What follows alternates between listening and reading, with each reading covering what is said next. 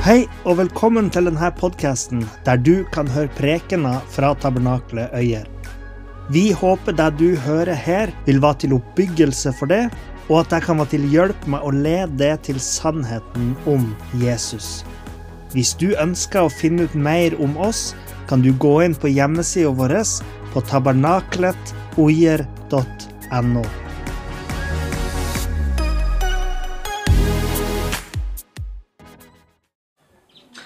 I høst så har vi jo pløya gjennom de to bøkene i Bibelen vår som heter første og andre Samuels bok.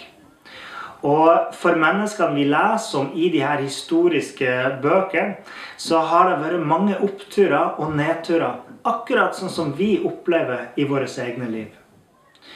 Når vi nå kommer til slutten av andre Samuels bok, så ser det ut til å gå mot ei herlig landing der David er på topp. Han er gjenoppretta som konge. Og så har vi kapittel 22 med Davids lovprisning av Gud, og kapittel 23 med Davids siste ord, der han takker Gud for løftene som Gud har gitt til han. Og så har vi denne oppramsninga av Davids mektige menn som et symbol på Davids makt som konge. Men forfatteren har jo valgt å legge til litt mer mot slutten. Kapittel 24 er en del av historien som av en eller annen grunn har blitt tatt ut av sin kronologiske sammenheng og plassert helt til slutten i boka. Og det som skjer i dette kapittelet, minner oss om at sjøl ikke David var perfekt. La oss lese 2. Samuels bok, kapittel 24, vers 1. Igjen ble Herrens vrede opptent mot Israel, og han fikk David til å gå imot dem ved å si:" Gå og mønstre Israel og Juda.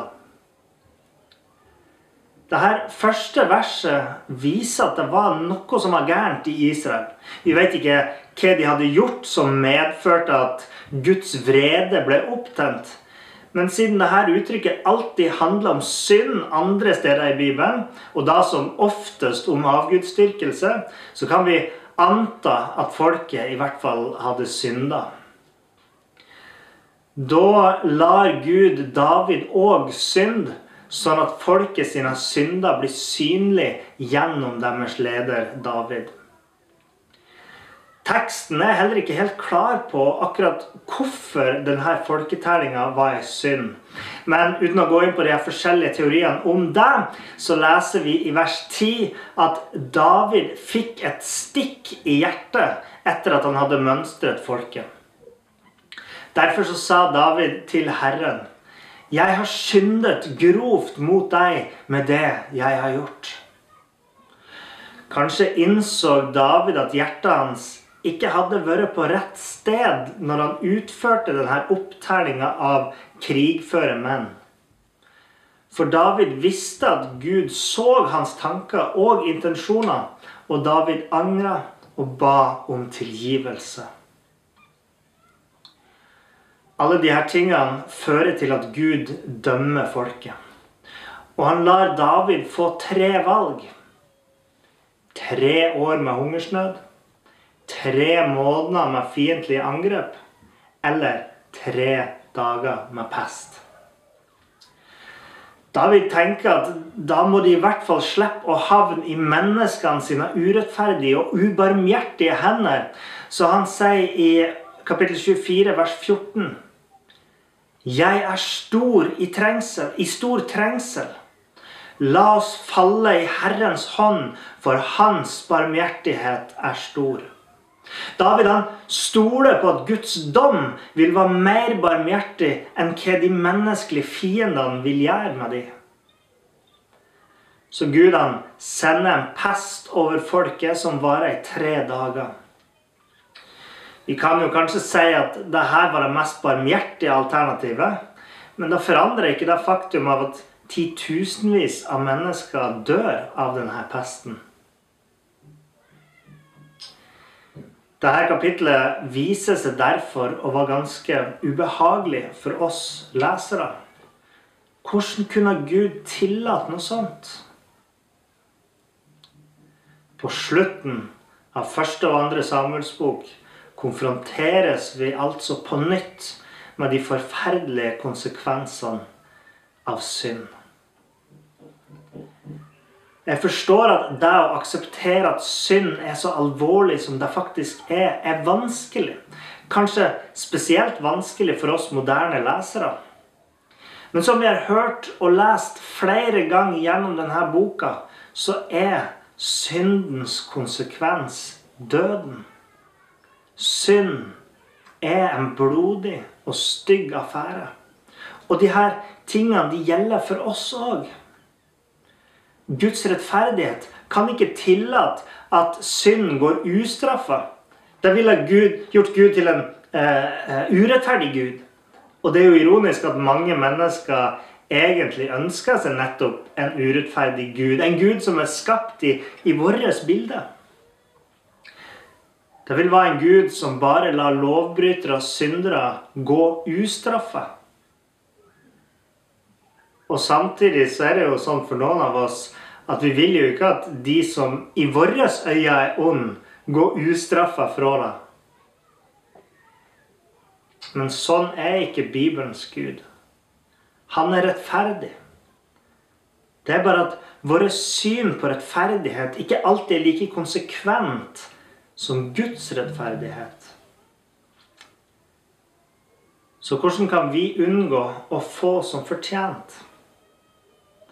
Det skal vi komme tilbake til. Men la oss først se på hvordan det går videre i denne historien. Rett før denne engelen som Gud sendte for å spre pesten i Israel, eh, før han kom til Jerusalem, så sa Gud i vers 16.: Det er nok! Ta hånden din tilbake. Herrens engel sto ved treskeplassen til jebusitten Aravna. Merk dere denne treskeplassen, forresten, for den skal vi komme tilbake til. Men samtidig så så David det som skjedde i landet, og han sa til Gud i vers 17.: Se, jeg har syndet, og jeg har gjort det som er ondt. Men de som tilhører jorden, hva har de gjort? David gjenkjente jo tydeligvis ikke folket sine synder. Kanskje var det fordi at syndene skjedde i det skjulte. Men videre så står det Jeg ber deg, la din hånd komme over meg og min fars hus.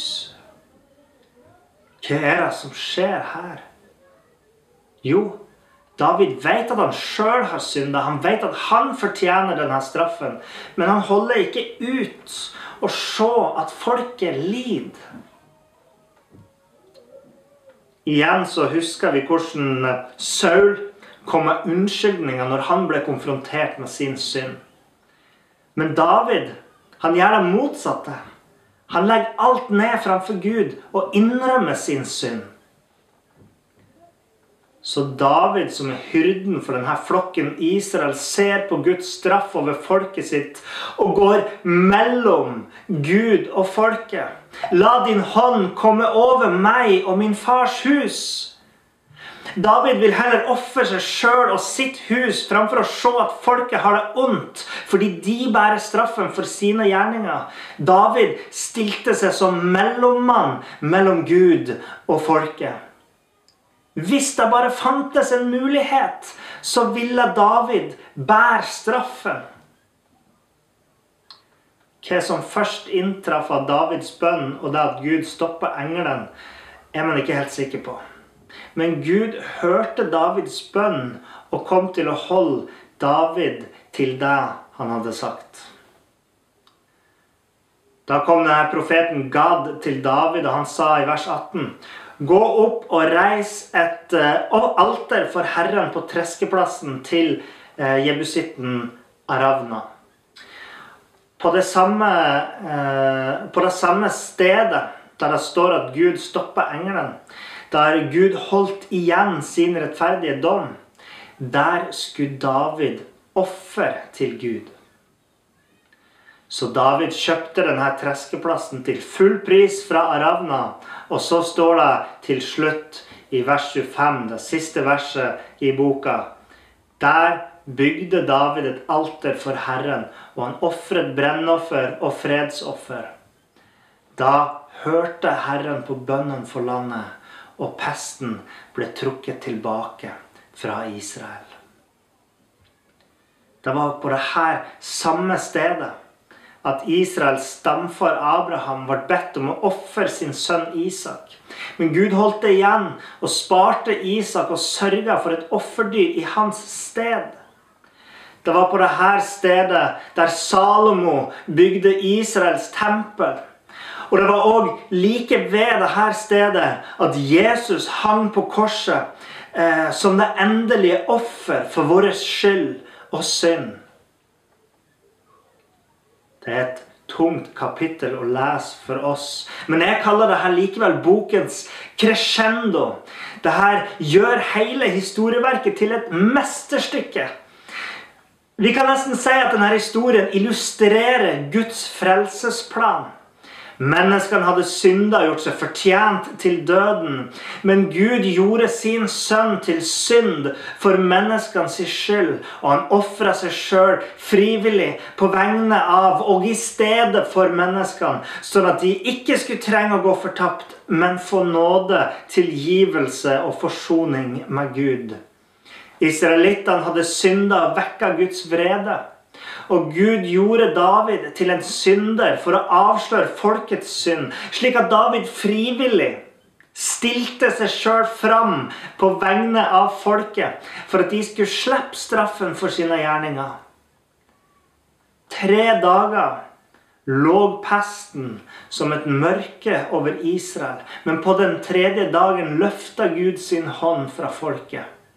Tre dager lå Jesus i graven, men på den tredje dagen reiste Gud han opp fra de døde. Det ser mørkt ut først, men egentlig ender denne historien med håp. Det er fortsatt håp for Israel sitt folk, for David. Folkets hyrde har gått framfor Gud for dem og sagt La din hånd komme over meg og min fars hus. Israels og hele verdens håp blir oppfylt i Davids bønn. Ja, Gud ville la sin hånd komme over Davids hus. Men David sjøl ble aldri et offer for folkets eller verdens synd. Men Jesus, Davids sønn, oppfylte Davids bønn 1000 år etter at David stilte seg fram som mellommann mellom Gud og israelsfolket. David, kanskje uvitende om hvilken symbolsk handling han utførte, var et skyggebilde av han som skulle komme. Den lovede, salvede Guds sønn, Jesus Kristus han som ble mellommann mellom Gud og alle mennesker til alle tider.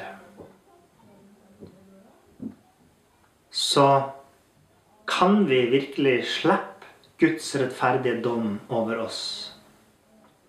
Ja, for det står skrevet i 1. Tessalonikerbrev, kapittel 5, vers 9 og 10. For Gud bestemte oss ikke til vrede, men til å vinne frelse ved vår Herre Jesus Kristus, Han som døde for oss, så vi skulle leve sammen med ham. Vi er jo alle syndere, sier Bibelen. På en eller annen måte, i mindre eller større grad. Men i 2. Korinterbrev kapittel 5 vers 21 står det Han som ikke kjente til synd, gjorde Gud til synd for oss, for at vi skulle få rettferdighet i ham. For meg, som for så mange andre kristne, så har jeg kommet til å innse at jeg har synda. Og denne realiseringa er mye tyngre enn det den høres ut som visshet om synd, at man vet at man har synda, det er nærmest smertefullt. Fordi jeg vet hva det impliserer. At jeg har fortjent en straff. Og den straffen eh, Hvis den skulle komme over meg, så ville det ha betydd døden for meg. Men det finnes en utvei. I Romerbrevet kapittel 6 vers 23 står det For syndens lønn er døden, men Guds nådegave er evig liv i Kristus Jesus, vår Herre. Når jeg vet at jeg har en redningsmann, en som har gått imellom meg og Gud, som har tatt straffen på mine vegne, så gir det meg fred fra smerten og nøden som synden skaper i meg, og jeg kan få lov til å eh, ha fellesskap med Gud og ta del i Hans herlighet.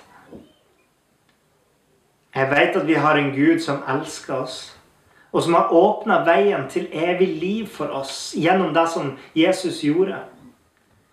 Jesus han sørga for vår frikjennelse, og det gir oss ekte fred. Det høres kanskje så enkelt og vakkert ut at Gud bare la våre synd på Jesus. Men i realiteten er bildet av korset et grusomt syn. Blodig og uutholdelig å se på. Men det er nettopp sånn vi kan åpne øynene våre for å se syndens natur. Kanskje du sjøl ikke er overbevist om at du har synda. Og kanskje du ikke tror at du i det hele tatt trenger en frelser.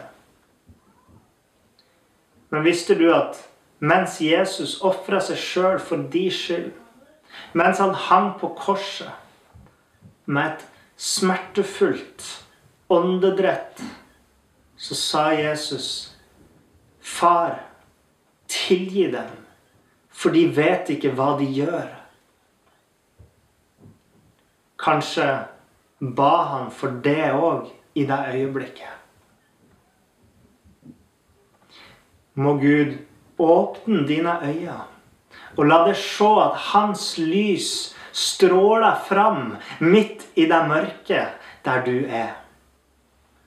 Må Gud hjelpe deg til å åpne din munn, sånn at du, akkurat som David, kan innrømme hva du har gjort, og hvem du er. Må Gud hjelpe deg til å åpne ditt hjerte, sånn at Den hellige ånd kan bo i det og gi det nytt liv. Jeg ønsker deg ei velsigna adventstid videre. Og hvis jeg ikke ser det, så må Gud velsigne juletida di også.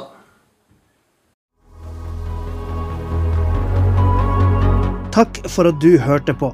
Hvis du tok et steg i tro i dag, eller du har noe du ønsker forbønn for, så vil vi gjerne høre ifra det via e-postadressen kontakt alfakrølltabernakletogjer.no. Du er òg velkommen til våre ukentlige gudstjenester i menighetslokalet i Haugskutua 5 26 36 Øyer.